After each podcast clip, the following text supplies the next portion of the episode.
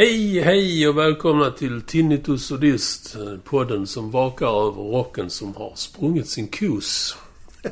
Med mig har jag som vanligt Ulf Österlind, gitarristen och låtmakaren, skomakaren. Bliv vid din fest. Det är en som uttryckt sig så vackert. Det var Pelle Arvidsson som brukar spela trummor. Just det. På Inte så ett lyriskt och lyriskt och, sprött fint sätt. ja, och på ett Ludvig-sätt. Det var det jag Ja, ja, säga. ja. Oh, oh. Här författaren författar.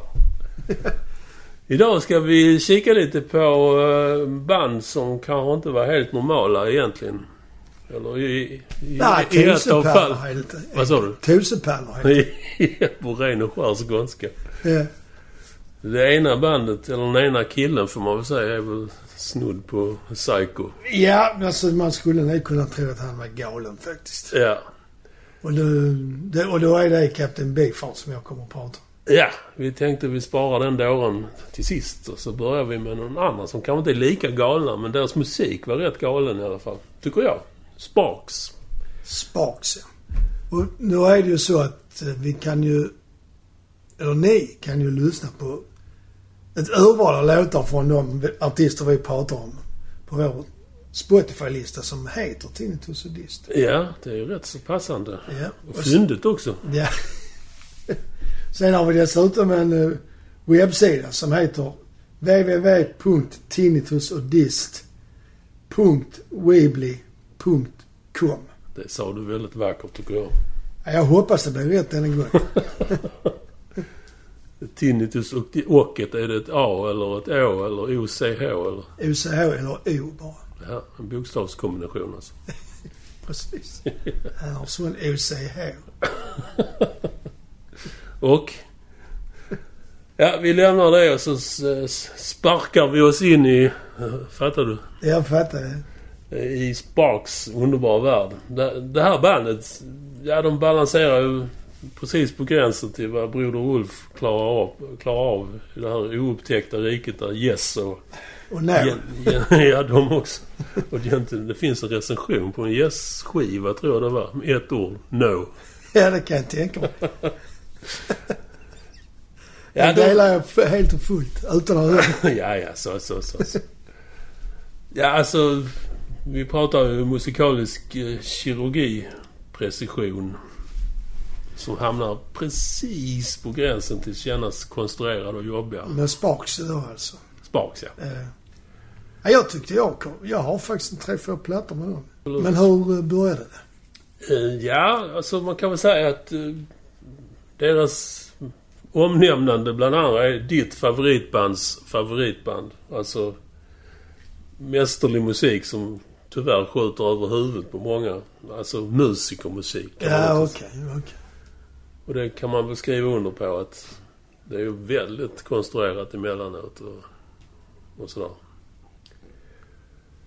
De bildades i slutet på 60-talet, pikade på 70-talet. Därefter har det väl blivit lite mer i skymundan. Men de är fortfarande aktiva. Ja, men de försvann ju jättelänge om jag minns rätt. Ja, men de har verkat hela tiden alltså. Och faktiskt levt på det. Antagligen på gamla meriter. Ja, det kan det vara. Men de var ju faktiskt, jag vet inte om de var i Sverige eller men de var i Skandinavien för, innan eh, Corona eller Covid-19 slog Ja, till. de har skrivit det senast. Jag har faktiskt inte hört det, men de skrev någonting om Ingmar Bergman. Någon musikaliskt. En opera om Ingmar Berg. Nej, inte opera, men... Döden, döden, döden. Ja, de har kanske mycket gemensamt. Ja, alltså, alltså, man kan väl inte säga att det är ett band egentligen. Det har alltid handlat om bröderna. Alltså Russell Mael som sjunger och Ron Mael som spelar keyboard. I begynnelsen, i, de kommer från Los Angeles, Los Angeles från början. Och där fanns ytterligare brödrapar med i band där och då. Som spelade gitarr och bas och såklart en trummis. Eh, de, bröderna Mael har tidigare så hade de jobbat med att styla modeller till klädkataloger. Jag visste inte ens att det fanns ett sånt yrke. Ja, det gör det kanske. Ja, det borde det göra. Fast man kallar kanske inte det stylist för det heter nog något annat. Ja. Man märker det på deras scenframträdanden från 70-talet framförallt. Alltså deras galna utstyrslar och skivomslag som är en art directors våta dröm. Ja, de är ju rätt stil, vad kallas det? stiliserade. Kallas Ja, det ja. Och Ron, alltså han keyboardisten. Förutom att vara hjärnan i bandet så hade han en väldigt udda output från scenen. Ja, helt... Var inte det helt knäppt tyst och nedtonad liksom? Ja, Stel som en pinne. Och så hade han ju den där berömda... ja Hitlermustaschen. Strikt kostym och Undrar hår. tjejerna gillar det med Hitler-mustasch. Jag tror inte han gick hem i den kategorin. Känns inte så.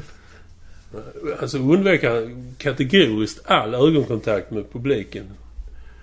Hans scenshow, det var liksom olika syrliga miner under några sekunder. Sen så återvände han in i sig själv helt och hållet. Publiken är extas. Men, men alltså konstigt nog, jag tycker det funkar för det, man gapskrattar liksom. Det är Ja, man sjukt. tycker det är konstigt. Det gör man faktiskt. Man tar honom till sitt hjärta ändå. De andra i bandet var väl inte riktigt så 30-talsaktiga i sina uttryck. Det var lite mer långhåret och flummiga kläder och sånt. Ja, han sångaren han såg nästan ut som en Jim Morrison-variant. Ja, det kan man säga. Han gick nog hem hos töserna, kan jag Eh. tänka mig. Dessutom verkar han ha en förkär, förkärlek till sjöliv och båtar. Han uppträdde ofta i sjömanskläder på den tiden. Och så hade de... I, deras första shower, jag tror det var i USA, så, så hade de byggt en atlantångare i papp. Som en roadie rullade fram och tillbaka över scen. Nu kommer jag att tänka på den. Fan heter det? Spinal Tap med deras... Ja, det är lite... Ja, den som är en decimeter hög. Eh, Ja, de började ju inte som Sparks, alltså namnet Sparks, utan de hette Half Nelson. Ja, det känner jag igen faktiskt. Så Todd Rundgren, han upptäckte dem och producerade deras första skiva. Som inte sålde alls. Och då kom man fram till att det måste vara namnet som det är fel på. Det är själv, självklara och Ja, uppenbara man skulle vilja höra de diskussionerna hur de kom fram till det. Men eh, ja, redan då så stora delar av låtarna var ju humoristiska och musikaliskt krumbuktiga. Så att skivbolaget tyckte att det skulle sitta som en smäck och döpa dem till The Sparks Brothers istället. Ja, okej. Såklart med en snegling till bröderna Marx. Ja, precis. Land, bandet sparkade bakut. Fyndigt. Tack. Men de nöjde sig med kompromissen Sparks. Ja, okej. Och det, jag tycker det är ett bra namn. Ja, det betyder gnistor. Gör det inte det? Ja. Eh, De gav ut... eh, De, de gjorde ett album först som under namnet Half Nelson då. Undrar vad det är värt om man lyckas hitta det idag. Det ligger på Spotify. Ja, men då äger man inte det själv. Jag tänker så. För sådana som samlar. Jaha, ja du menar så ja. Den faktiska LPn. Eh, Ja, det kan nog vara en hel del. Dollares. eh, Ja, de gav ut det igen med, med, då med det nya bandnamnet istället. Och nu jävlar gick det inte så mycket bättre för det. då var det nog eh, nämligt. Ungefär. Vändpunkten kom väl inte förrän 1973. Då släppte de albumet A Woofer in a Tweeders Clothing. Eh, rätt kul skiva. Man hör ju definitivt att det är Sparks. Men man saknar liksom det där sista magiska umfet. Som lite senare skulle ta dem hela vägen i mål. För min smak, tja. Close but no cigar skulle jag vilja säga. Det är lite Ja, för mycket Jacques Brel och för li- lite av rock'n'roll. Det kom ju senare. i- Ja, de har ju lite teatralisk sida får man ju Exakt, säga ja. Och det kan bli rätt jobbigt. Och det blir för mycket på denna skiva. Men det är ju lite i den andan där som med Bowie och Ziggy Stardust och, Ja, och allt det. Det var också lite teater över det. Ja. Kan man ju säga. men detta var lite för mycket Ja, okej. tyckte jag. Och det tyckte de hemma i Los Angeles också. De var alldeles för konstiga. De fick liksom aldrig spela på de större ställena. Ah, okej. Typ Whiskey Go-Go och de som var stora på den tiden. Och återigen så steppar skivbolaget in med, en snilleblixt och menar att eh, den engelska glamrocken, den ligger väldigt nära Sparks musik. Så vi skickar er till England för en turné. Och eh, anglosaxerna, ja de fattar ju grejen. Både publik och musikpress tog emot dem med öppna armar. Där kan man väl säga att framgångssagan börjar. Ja. Egentligen, på riktigt.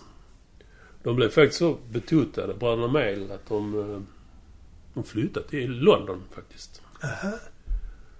De skulle börja någon större Europaturné så tyckte de det var lämpligt att ha det som bas. Jag måste nog säga att jag trodde nog att de var engelsmän. När jag Trodde jag också upptäckte. från början. Ja. Men det är Los Angelitos. Mm. De andra amerikanerna i bandet, de var ju inte lika entusiastiska så de hoppar av. Det kan Okej. ju vara rätt konstigt kan man ju tycka när de... Fick chansen att åka utomlands. Ja, och att det börjar röra på sig och så. Ja. Ja, det var ju märkligt faktiskt. Men eh, detta oroade icke bröderna Mail. De satte helt enkelt in en annons i Melody Maker. Bakgrundsmusiker sökes till Sparks. Måste vara skäggfria och spännande. Rätt så specifik annons. Så just bakgrundsmusiker. Ja, precis. De har redan liksom sagt att här, tro inte att det är enigt. Ni är enigt liksom. Allt ljus på oss. Ja. Men eh, man hittar faktiskt tre engelska musikanter som passar exakt in i den mallen. Adrian Fisher, gitarr. Martin Gordon, bas. Och Norman Dinky Diamond på trummor. Dinky. Ja. Inte Dinky Toys? ja, eller så heter de inte så? slog han väldigt nätt kanske. Ja, det kan jag varit det. Och det stämmer ju med annonsen kan man ju säga. De har ju liksom aldrig tagit någon plats direkt. Nej, men jag minns ju dem från när man såg dem då på... De var ju klädda så som glamrockare och de, Det här var de. och de var ju med i Top of the Pops tror jag jag har sett någon video Ja. ifrån. Men det var ju inte så, så att man kommer ihåg namnet på musiker. Nej. Nej.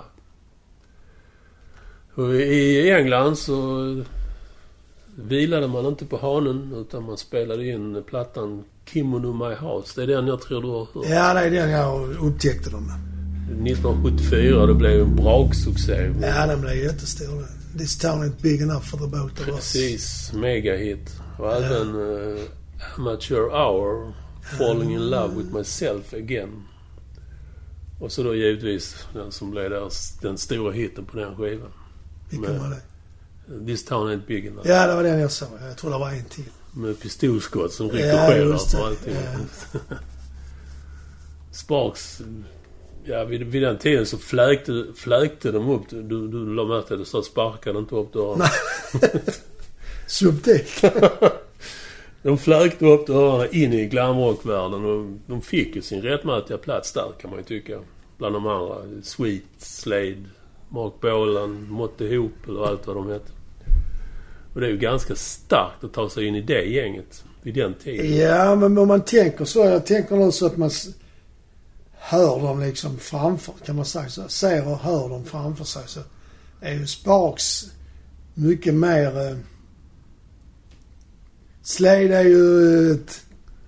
Det är ju ett boogie-rockband nästan. Ja, ja, oh ja, jag förstår. Och Sweet är ju lite... De kommer ju från poppen liksom. Ja, Och försöker bli tuffare och tuffare efterhand. ja. Och Motte Hoop vet jag inte vad man ska... Det är ju mer ett singer-songwriter-rockband, är det inte det? Ja, det kanske jag tog i, taskigt att säga så. Och Sparks känns ju då liksom... De är ju udda i den samlingen på något sätt. Och de, musiken känns ju som jag sa lite mer... Ja, Lite mer... Jag vet inte vad jag ska... kantig. Ja, och skapa... All musik är ju skapad såklart, men Ja, jag vet inte hur... konstruerad. Ja, kanske. I alla fall eh, snyggare ärrad, kan man säga så? Ja, den är ju intelligentare. Ja, det är kanske ett bättre ord. För, Mm. Men jag kunde inte komma på det själv. Eftersom jag är så dum. Men det kan ju vara mycket deras uh, output från scenen också med de här kläderna och Ja, det kan ju vara i och för sig som jag, man blev, eller jag blev lurad av det. som halkar in i Eh, glamrockspåret på det. ja. Ja, det är ju inte direkt tuggummi-pop, Sparks. Alltså, Nej, det var lite så. Sweet och Ja. de och Slade är ju... Ja, Slade är väl inte tung på. det tar ju ett par gånger innan man liksom fattar deras låtar och greppar dem. Så det är rätt konstigt att de har på det Konstigt att de lyckas få en hit. Ja, ja det, det... Men den var väl så udda också och fräck liksom. Eh, Så ja, det var ju deras stora epok där på 70 Även för mig. De vilade inte på hanen eh, då 74. Fjärde plattan kom det året också. Som hette Propaganda. Det är där de, du kommer säkert ihåg, de sitter bakbundna med munkavle i en båt. båt. Ja, den har jag ju också den faktiskt. Ja. Det är en bra skiva. Och dessutom så vaknade ju moderlandet. Så de blev framgångsrika i USA också. Ja, jag lyckades ju managementets idé där, eller skivbolag. Ja. Ja, inte jättebra gick det i USA men de... Ändå lite. Ja. Ja, okej. Och lite populär i USA, det betyder mycket. ja, där kan man ju vara stor i Texas men vara helt okänd utanför. Ja, ja, det, så, ändå så kan det En vara. jättemarknad. Ja.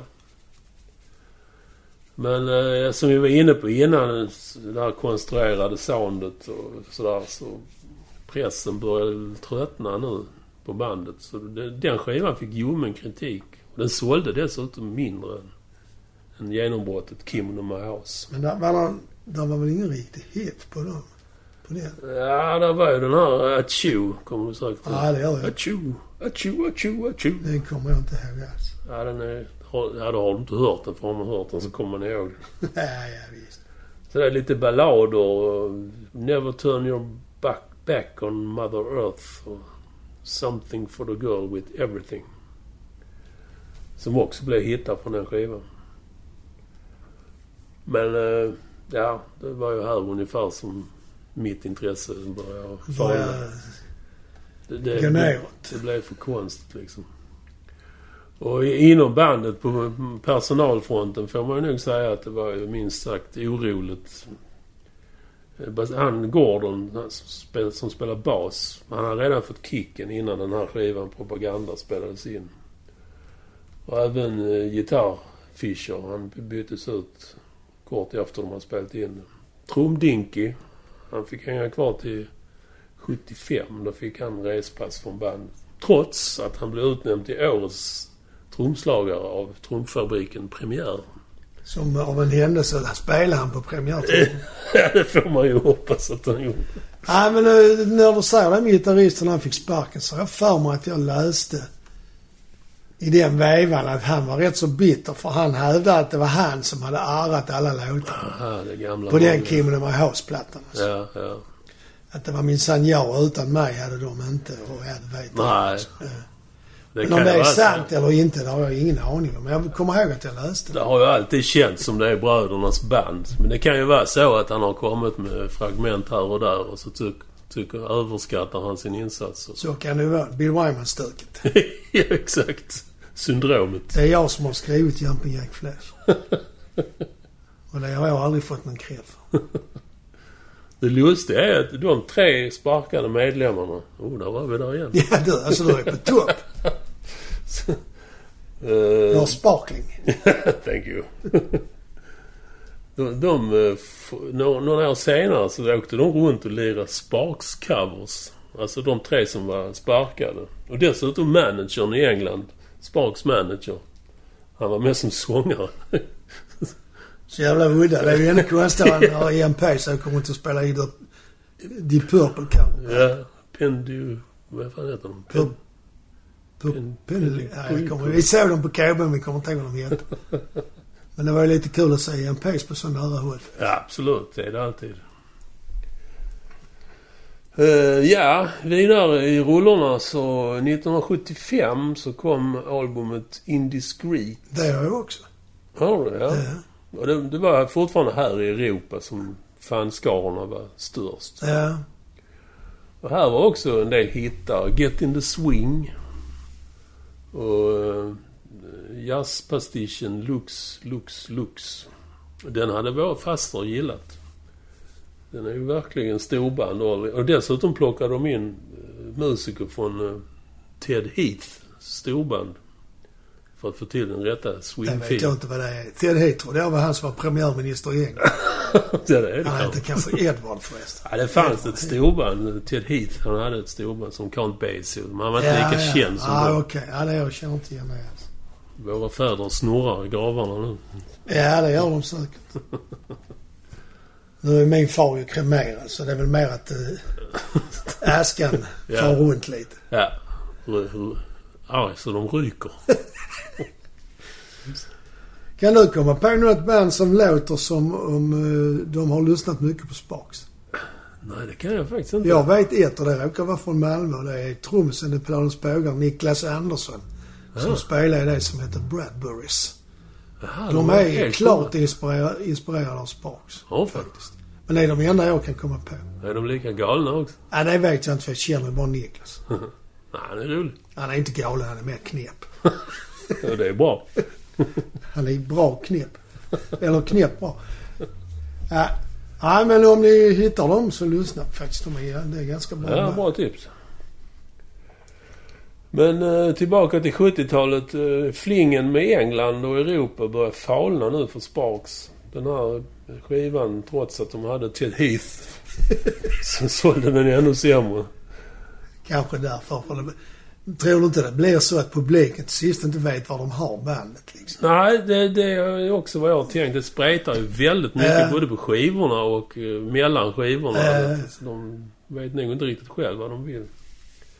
Eller så vill de så mycket så att de inte kan fokusera. Ja, det är ju en eh, allmän fara. Eh, Man ska ju naturligtvis utvecklas, men det får ju vara inom vissa ramar. ja, precis. Så att det känns att man har en riktning liksom. Ja. Kanske, jag vet inte. Men i alla fall, de eh, båda bröderna, de hade fått nog. Det var ju mycket tjafs med bandet och de ville ju bestämma allt själv. Så de eh, sparkade alla där och då och återvände till Los Angeles.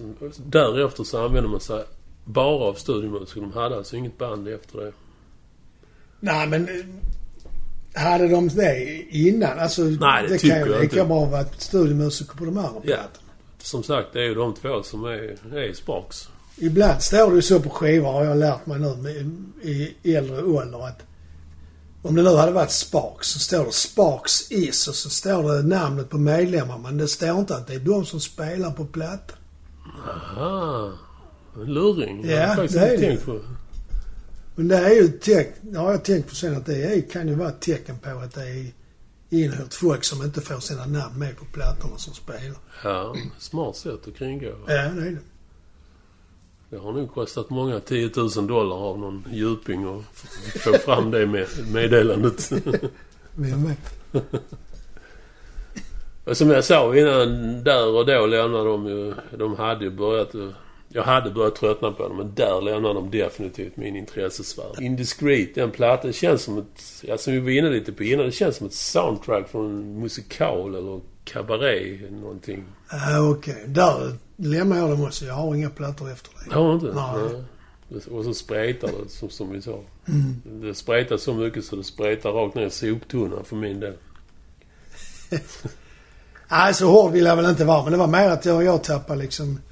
Att tappa intresset är fel, men det kommer andra band som, Ja, så var det också. Det, det var Som jag la mitt, mitt intresse på liksom. Det, det kallas ju inte de gyllene åren för inte. Det sprutar ju ut Ja, det, visst. Det kom ju mycket att upptäcka liksom. Ja. Som jag sa innan, de har aldrig slängt in handduken. De har fortfarande sin publik, men eh, troligen så återfinns den publiken i de finkulturella salongerna nu för tiden. Misstänker jag. Och man hör ju aldrig dem. Jag lyssnar ju mycket på rockklassiker och sådana kanaler när jag kör bil. På Aldrig, jobb. aldrig Sparks. Mycket. Jag tror knappt jag har hört någon Sparkslåt där på de kanalerna faktiskt. Men däremot har man hört Run for the Hills två miljoner Ja, gånger. om det räcker. Så, skärpning. Ja. Klassiker. Ja, precis. Där finns mycket annat. Ja, det gör det verkligen. Ja. ska vi släppa in trummisen? Det tycker jag. Vad tror du han kommer med denna gången? Han har övat mycket har jag hört så det kanske blir bra nu. Ja, han har varit på träningsläger. Har jag hört.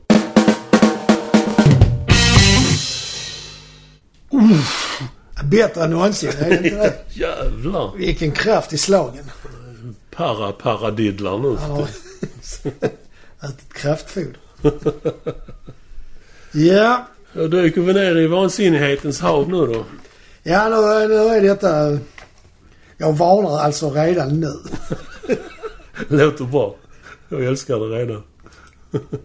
Captain Beefheart. Captain Beefheart.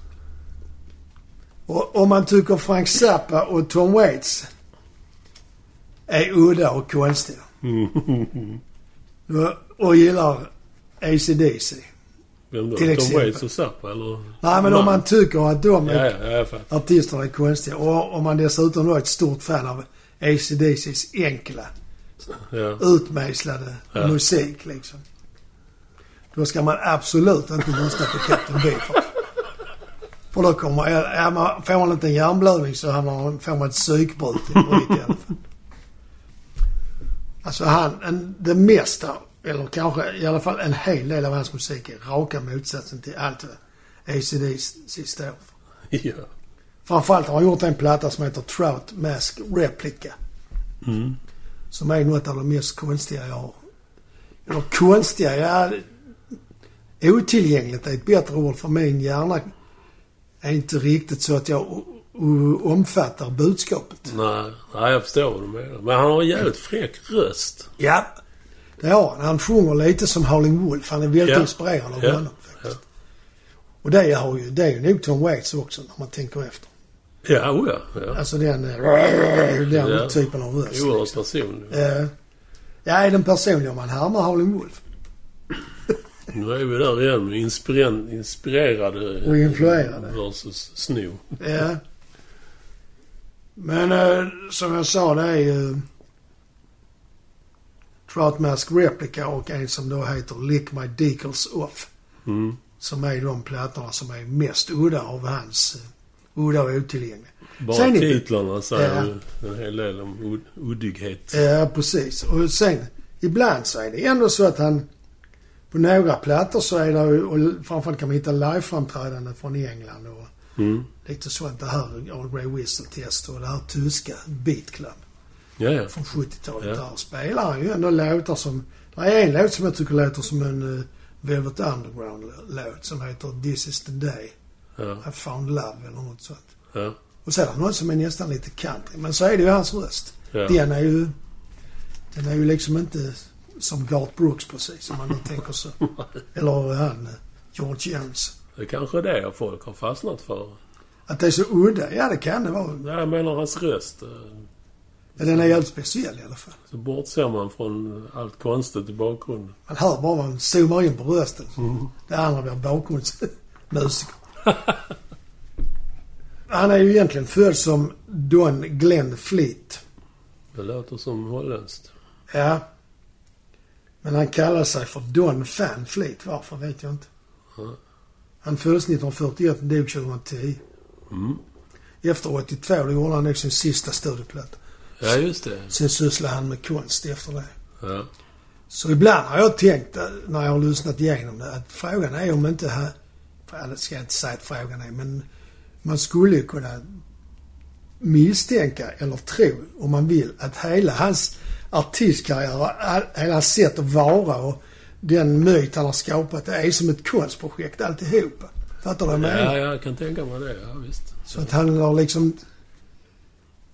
Ja, han har skapat ett konstprojekt av sig själv på något sätt. Ja. Ja. Om det nu går att uttrycka det på det Det sättet. jag finns ju andra band som har glidit in på det bananskalet liksom. Det, Ja, men han känns ju mer som...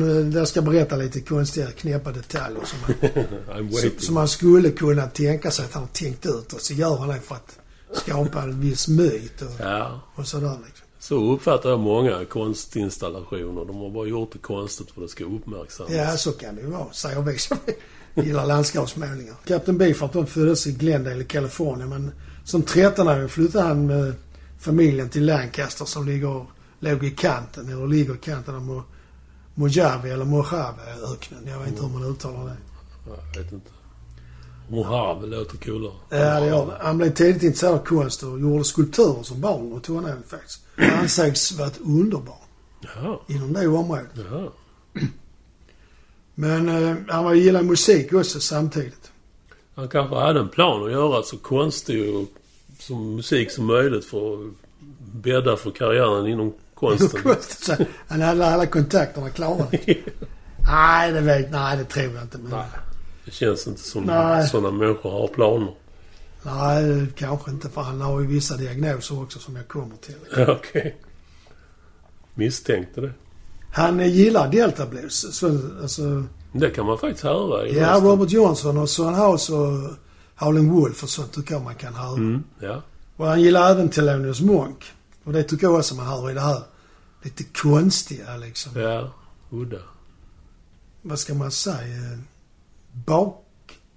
Bakvända sättet att sätta ihop musiken. När det låter som att han bara sitter och trycker på gitarren i stort Mm. sett. Eller pianot eller vad det är.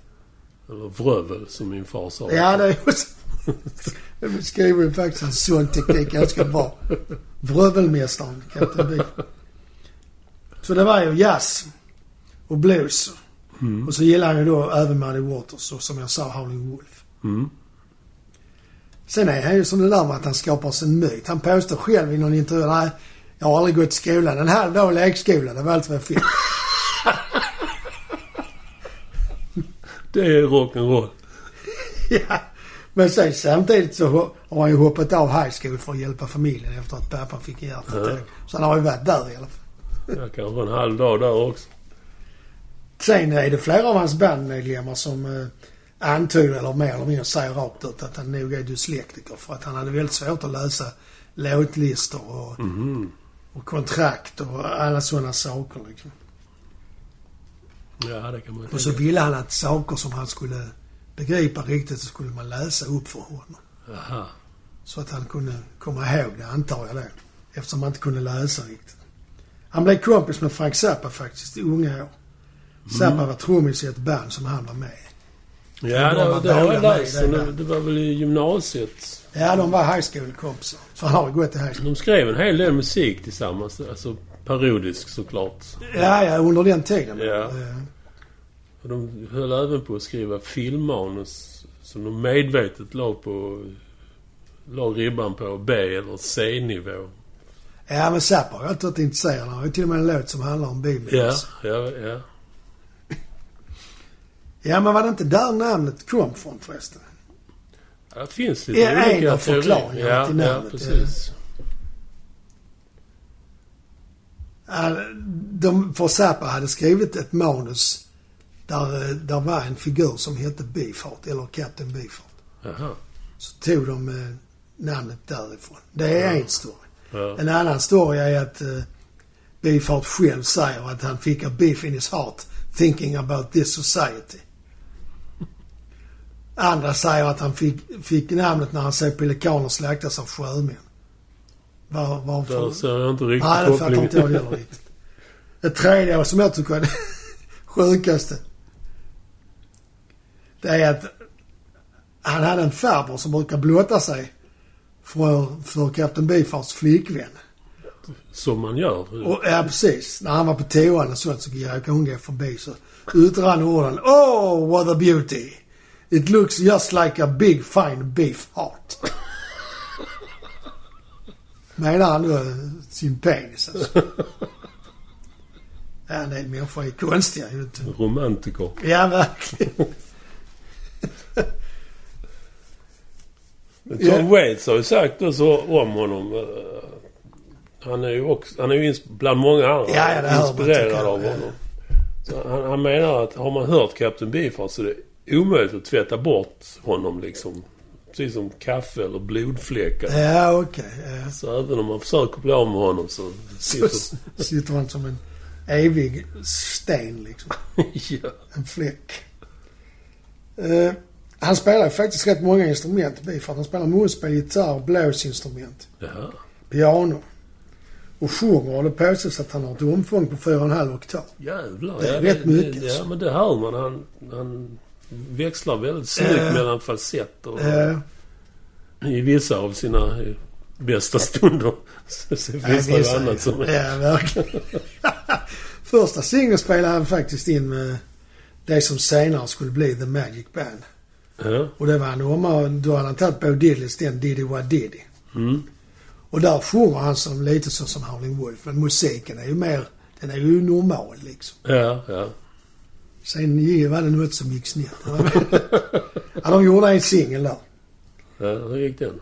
Eller hur gick det för dem? Ja, det blev bara den singeln. Sen uh, blev det inte fler. Så om det var kontraktet som löpte ut eller att de Ja. bröt det, det vet jag inte. Ja, okej.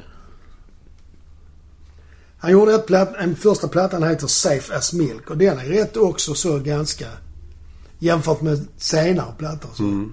ganska normal. Och då gör jag sådana här citat till. ja, den är rätt... Uh, Han gör dem dessutom med boxhandskar för ja, att extra precis. För tydligt. att, för att alla ska fatta.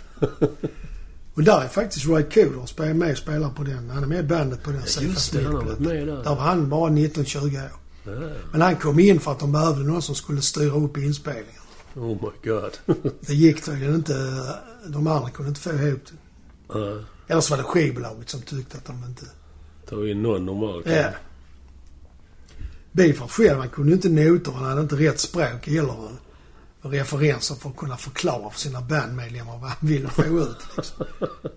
Så han brukar vissla eller spela eller banka partierna på ett piano för att trummisen då, John French, senare omdöpt till Drumbo. Han var... eh, Han kunde noter och kunde arrangera. Så han... Det som Bifart lät för honom, så kan man väl nästan säga. Ja. Det skrev han ner och gav till övriga bandmedlemmar som Ja. kunde spela det sen liksom. Och när han slutade bandet så togs den rollen över av en gitarrist. Som heter Bill Hakelwood. Senare kallad Suit Horn Roller. Shit. Men det kan man nästan tänka sig för det är väldigt... Alltså, jag säger inte det är bra men det är väldigt komplicerade arrangemang. Det är ju polyrytmik och det är Ja. udda, Ja, udda sådana här eh, tack. sekvenser. Ja. Ja. Olika längd på- också. Ja, olika längd på. Det var någon jag såg på nätet också som till och med menade att gitarristerna spelar ibland i olika toner. Och det låter ibland, det låter faktiskt Ja. väldigt märkligt på vissa ställen. Men Samtidigt hör man ju att de gör det tillsammans. Så då förstår man att någon måste ju ha bestämt det här. Att det ska vara Ja, det är ju inte så att de... Eh, freeform. nej, de står inte bara och slår på grejer. Nej, De är överens om att så här ska jag slå. Ja. Och du ska slå så. Ja, Och du ska spela så liksom. ja precis. Så det är väl det de gillar misstänker jag som har fastnat för honom. Att det är, det är ju, äh, speciellt den Trout Mask Replica. Det är Mm. ju, vissa kallar det för avantgarde-rockens mästerverk. Ja, det har jag sett. Och det är ju väldigt avantgarde om man nu, Mm. i alla fall inom musiken. Ja. Och det är där jag menar att det är lite Thelonious Monk för att han, Thelonious Monk kan också ibland spela som om han bara sitter och trycker på pianot lite förstrött. Mm. Och så låter ibland vissa partier i de här låtarna som är på den plattan jag pratar om. När han själv ska beskriva hur bandet ska spela så kunde det låta så här, nu får ni ursäkta min dåliga engelska. Play it like a bat being dragged out of oil and it's trying to survive but it's dying from asphyxiation. Sen var han ju inte så schysst heller för att musikerna får ju ingen cred alls. Han hävdar att han har spelat, eh, skrivit allt själv medan musikerna de måste ha hjälpt till jättemycket eftersom han inte har, har något språk för att beskriva. Ja, ja. Han kan inte skriva ner noter och han kan inte skriva ner ackord. Så sen måste de ha hjälpt till att skapa det som har blivit. Ja, men hade de kommit på det själv kan man ju fråga. Nej, men de har kanske hjälpt honom att arrangera. Det så jag ja, menar. ja, ja, ja, såklart. Ja. Men han John French som då var trummis i början, Drumbo. Han, eh, han har beskrivit eh, hans kompone- komponering, komponerande och arrange- arrangering med så här. Och då tar jag det på engelska igen för jag gick inte översätta. Kan inte. If Van Fleet built a house like he wrote music, the me- methodology would go something like this. The house is sketched on the back of Dennis' placemat in such an odd fashion that when he presents it to the contractor without plans or research, the contractor says, this structure is going to be hard to build. It's going to be tough to make it safe and stable because it's so u- unique in design. Van Fleet then yells at the contractor and intimidates him into doing the, the job anyway. The contractor builds the home, figuring out all the intri- intricacies as well involved in structural integrity himself, because whenever he approaches Van Fleet, he finds that he se- seems completely unable to comprehend technical problems and just yells, Quit asking me about this stuff and build a damn house. when the house is built, finished, no one gets paid, and Van Fleet has a housewarming party, invites none of the builders and tells the guest he built the whole thing himself. Yeah, ja. Det bra Det liknelse. är hans beskrivningar. Så då, man, man anar ju att det har liksom inte gått så snällt till. Man, man har ju hört det. Gränsen mellan genialiskt och dysfunktionellt är ju hårfin. Ja, och galenskap. ja, ja. Van Fleet har ju någon gång sagt, eh, alltså Bifart, att han tidigare har haft en eh, diagnos eh, på, vad fan är det han säger? Para, paranoid schizofreni, om nu det finns. Liksom. Det låter tungt. Ja, Ja, det var är nöjd. två diagnoser. ja, det är det ju. Ja. Det hade Frank Zappa trippat på syra så kanske hans skivor hade blivit så här också. Ja, det vet. Frank Zappa är ju också lite avantgarde, men han är mer Ja. ordentlig om man säger så. Jag tänker på den här gränsen mellan geni och Ja. dåre. Så det, han, Frank Zappa balanserar ju precis och Ja, det gör han ju. Det är sant faktiskt. Det gör inte Kapten Beefheart. Nej, han är över kanten det som. Alla musikerna i bandet hade alias. Och det var bra musiker. Många anser att de är skitbra. Bland annat Zappas basist Roy Estrada. Han är med på någon platta. Och den låten som börjar Trout Mask Replica. Frownland. Lyssnar man på den så inser man att här finns det två vägar att gå. Antingen är det är de geni eller ska de inte spela alls. Men det är som du sa, det är ju liksom ordning i galenskapen på något sätt. Så Ja. de är ju duktiga musiker. Organiserat kaos. Ja, det kan man säga faktiskt. Det gick väl inte så bra bland kritikerna och, stora delar av den vanliga rock'n'roll. Nej, de, de gick ju bättre i England än vad de gjorde, eller han och bandet gick Mhm. bättre i England än vad de gjorde i... England var mer öppen för galenskap. Ja, det var nog lite så faktiskt. I alla fall på början av 70-talet var de rätt positiva med sånt. Jag läste någonstans, det var någon som ansåg att det mildaste omdömet han läst om Kapten Beefheart, det var att det var religiös schamanmusik. Ja, den är väldigt märklig. Han sysslar lite med LSD också faktiskt. Ja, Han... Eh, det anar jag. ja, visst. Bland annat påstår han att han har sett en flicka förvandlas till en fisk. Med bubblor som kom ut ur munnen under en konsert. Vem har inte det? Nej, precis. Det är vanligt liksom. Sen lyckades han med konststycket att göra Ray Cooder så jävla förbannad så han slutade tvärt. Jaha. Vilket i sin tur ledde till att bandet fick ställa in en konsert på Monterey-festivalen. Där skulle de ha varit med. Jaså? Men det blev ingenting. För de kunde inte hitta en gitarrist som på så kort tid kunde lära sig gitarr. Det partier. Den spontana känslan är ju att skitsamma, ingen hade märkt någonting ändå. Nej, så är det ju såklart. Nej, så är det inte. Det är inte sant. Men det kan nog uppfattas så. Efter den Safers Milk som blev den första så repade man in och spelade in ytterligare två plattor. Mm. Men den ene kom inte ut förrän efteråt. Och då hör man också efter den Trout Mask Replicas. Och då hör man också att den som är inspelad innan är mycket mer som en vanlig skiva. Den är inte vanlig men den är vanligare än vad som kom sen. Liksom. Så det har ju varit en utvecklingsprocess där eh, fram till, eh, Ja, okej. till det så kallade mästerverket. Mm. Är, den Troutmask Replica den har 28 spår. Varav en del bara är han som pratar. Den första låten, Frownland. Den är så konstig och udda. Så att en kille som jag läst, hörde talas om, eller egentligen läste om. Han hade haft den låten på, som första låt på sitt bröllop. Bra val. Och sen, vilket han sa sen också, vilket min fru nogsamt påpekade i skilsmässan. Det var början till slutet. Redan på bröllopet. Och det var Zappa som producerade den plattan. Ja. Och Zappa har själv sagt att om det hade varit en vanlig producent på den plattan. Han, han bara släppte in dem i studion. I stort sett satte på bandspelaren och lät dem hålla på. Så det var inte lönt att säga till dem något. Nej, det, alltså, det gick tydligen inte. De hade inte förstått ändå, menar han.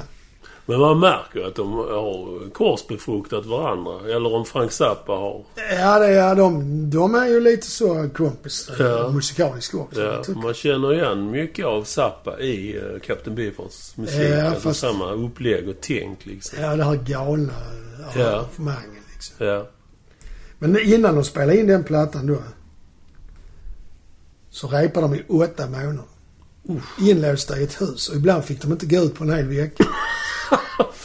Och de hade inga pengar heller så att enligt vissa av bandmedlemmarna så fick de en gång om dagen fick de en liten mugg eller kopp med sojabönor. Oh, Det var allt de åt. Hur fan kunde de ställa upp på det? Dels var han ju en väldigt övertygande personlighet. Ja. Alltså då, ibland så, han eh, gjorde de inte som han sa så kunde han ge sig på den personen och riktigt bryta ner dem liksom. Till de, till de gav upp och bara böla. Fy fan, jag får Alltså det är tyrann, eller hur? Det låter som en jag riktig får upp sådana tyrann. bilder nu som man mår dåligt. Ja, faktiskt. Musik ska byggas utav glädje. Gott. Men sen är det ju ändå så att de stannar ju kvar. Ja, det måste ju ha varit något som... Så de, jag vet inte om de insåg själv att de, det här, vi är ändå på väg att skapa något som är för evigheten, Ja. kan man säga så. Ja. Det är många som tycker att Captain Beefheart var höjdpunkten på 60-talet. Du menar med flummighet och sånt? Ja, och det här avantgardistiska att, uh, uttrycket och... Ja, ja, det finns ju ingen. Ja, det är Tom Waits. Men han är ju mild om man jämför. Ja, det är normal skulle jag vilja säga. Lyssnar man på Trout Mask Replica och sen lyssnar på en Tom Waits-platta så är ju Tom Waits i det närmaste kyrkomusik. ja. Men han har ju inspirerat många andra också. Kan man, man kan väl säga att han är lite som hembränd sprit. Få gillar det bart, men blandar man ut det med Mm. läsk, läsk och kanske en essens så dricker alla. Alltså jag menar, Ja, hans musik blandas med andras influenser. Ja, Ja. kanske är det så. ja, eller rättare sagt någon blir influerad av honom Ja. och tar till sig. Blandar ut, blandar ut galenskapen. Det finns ju en hel del alltså, kända kritiker och musikälskare som verkligen tycker att han är ett geni. Alltså. John Peel till exempel i England som var en, Jag vet inte om han var manager eller han var någon sån höjdare på BBC. Han sa det. Det är det största verk som har gjorts av någon i rockvärlden, menar han. Liksom. Så där finns ju någonting som inte en vanlig Ja, människa då förstår. jag, antagligen. jag kan ju säga rakt ut, jag förstår inte Nej. storheten i. Ja, jag, har svårt att vänja mig vid det, men efter en 1500 lyssningar så ska det väl gå. Jag återkommer om tio år. Där, var, där är ju en av bandmedlemmarna som säger att under de här repetitionerna inför den här plattan så var det närmast kultliknande stämning i huset. Ja, det måste det ha Och det varit. var en besökare som kallade det för Mansonesk. För det var ju precis i den eran när han hade Charles Manson. skjutit eh, en massa folk. Eller dödat väl... eh, Vem var det? Polanskis fru, var det inte det? Ja, just det. Sharon Tate. Just det. Och här kommer det. Han hade en svår personlighet. Jag kommer inte riktigt... Men han var manisk, råbarkad, dominant, manipulativ och ibland drogspetsad. Ingen bra kombo. Inte ens Ja. två av de grejerna ihop är bra. Eh, Det är ju som jag sa 28 spår på den plattan. Och det märkliga är att det är inspelat. Alltså det, det här är svår musik att lyssna på. Mm. Troligtvis väldigt svår att genomföra, framföra. Mm. Och det är inspelat på sex, fyra till sex timmar. Va? Ja, men då har de repat i åtta månader. Ja, det hade de ju. Men ändå. Det är, de ska in i en studio och allt, med allt vad det innebär. Ja, just det. Men som Zappa sa, han satte bara på bandspelaren så fick de hålla på. Men sång och sånt, andra röstpålägg, det gjorde, gjorde sen under ett par dagar. Så det är musiken som är inspelad. Ja, ja, okej. En annan knäpp grej är att han, som Kapten Beefheart som sjunger. När han la på sig sången så använde han inte hörlurar så han hörde sig själv. Utan han fick ljudet genom studiofönstret. Så lite svagt så. Så sjöng han till dig liksom. Eller om man nu kan kalla det så. Ja. Vilket ju då gör att det blir lite osynkat. Och det tänkte jag på sen efteråt att det bidrar till den här känslan av att det är lite skevt och felaktigt timing och allt sånt där liksom. Ja. Som jag nämnde i början med att det låter som att de spelar varsin låt och hans sång bidrar ju nog till det. Ja. I och med att den är lite, lite för sen hela tiden. Jävla idéer. Zappa, för att återkomma till det, han producerade och han, han sa själv att eftersom kaptenen inte lyssnade eller förstod professionella argument och om man nu skulle göra något stort, tidlöst och majestätiskt så var det mer bra att låta honom hållas. Ja. Så han blandade sig inte i det förrän det var slut liksom. Och antagligen så kände han dem utan och innan om de varit kompisar så länge. Ja, de var ju kompisar som jag sa sen var 12-13 år. Och sen återigen det här med rytmerna. Det är liksom... Det är udda och så är det olika taktarter och rytmmönstren är olika långa. Mm. Och ett mönster då börjar ju såklart inte när det andra börjar utan de... Och det gjorde, skapades medvetet för att man skulle undvika det här vanliga popskvalet liksom. Efter ett par lyssningar så väljer man sig och det blir mindre konstigt och kanske till och med intressant men bra. Nja. Nej, jag håller med. Som jag sa, det är många som gillar det. David Lynch, Johnny Rotten, Matt Groening, det är ju han som gjorde Be- Beavis and Butthead. Ja, just det. John Frusciante från Red Hot Chili Peppers, deras första gitarrist. Och det kan man faktiskt, när man, när jag läste det så, så kan jag höra dem. Det spinkiga gitarrsoundet som han använder. Det Mm. används, ä- Mm. använder även Beefarts gitarrister faktiskt. Mm, just det. Och den rytmiken. Det är så udda och avantgardistiskt ur synk och konstigt. Det låter som kakafoni. Mm. Men som du sa, det är inrepade planerat. Ja, det... Man Och det fanns inga plattor som lät så. Absolut inte. Som hade kommit varken... Varken före eller efter höll jag på att säga. Men han gjorde ju faktiskt en som då heter Lick och Dickles Off. Som är lite i samma anda liksom. Ja. Eller den är rätt mycket i samma anda. Och vi kan nog med bestämdhet säga att inget band i Malmö har gjort... Nej, jag känner inte till ett enda där faktiskt. De gjorde faktiskt eh, 13 plattor totalt. Så många. Bandet. Eller Bifart. Mm. En liveplatta som den gavs ut långt efter de här. Och man kan hitta lite spridda konserter på YouTube som är inlagda. Men... Eh, ja. Som sagt, gillar man ACDC så är det ju ingenting för er, det kan jag ska man nog inte börja med honom. Nej. Men det är ju ändå intressant tycker jag att på den tiden kunde man ge ut sådana plattor. Ja. Nu var det i och för sig Zappas eget bolag, men han gjorde ju fler plattor sen. Och det var inte upp på Zappas. Men det var ju den tiden. så- Frank Zappa har ju sagt att det var bättre på den tiden för då satt han någon fet gammal gubbe på skivbolaget som rökte cigarr.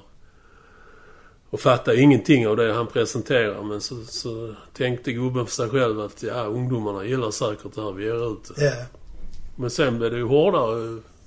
Det måste ha varit på 80-talet. Och Frank Zappa menar att då kommer de här kreddiga arty-farty Ja, och folk som eh, trodde de begrep sig på vad som Ja, sålde. ja, precis. Ja. Det blev mammon som styrde istället. Ja, man försökte på skapa någonting som eh, skulle fylla ett behov istället för att skapa ett behov. Om Mm. fattar Ja, precis. Ja.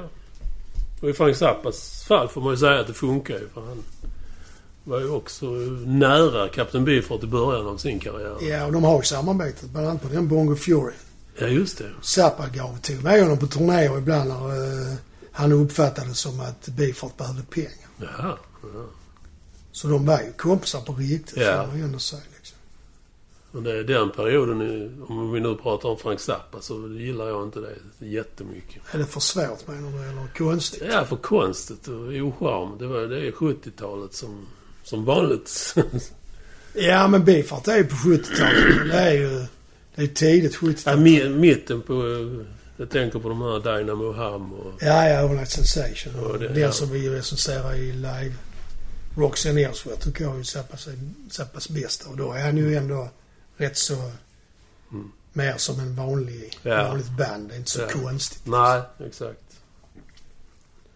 Men som sagt, två udda, eller två... Ett band och en artist med... Jag skulle säga det var också ett Magic Band som han hade. Mm. Bifart. Det var ju... Där byttes ju medlemmarna ut emellanåt. Så det band som fanns från början, det är inte det band som finns sen på slutet. Han slog ihjäl dem helt enkelt. Ja, eller så begick de självmord. Och äh, enligt Håkan Nyberg, då trummisen Håkan Nyberg som jag snackade med Bifart om lite, så gjorde Magic Band, eller delar av Magic Band, faktiskt tre plattor själv. Jaså?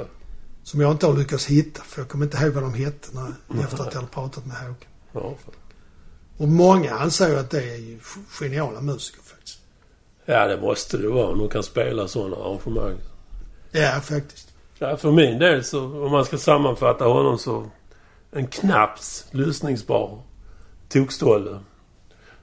Den största meriten man kan ge dem är att han har sått frö i andra musiker. Ja, det är lite så. Och sen är det ju lite intressant för att han var så jävla elak med sina musiker och ändå stannar de kvar där i Ja. huset. Ja, det skulle man... Det är ju nästan en psykologi, psykologiuppsats i det faktiskt. Ja. Gruppdynamik och allt det här. Ja. ja.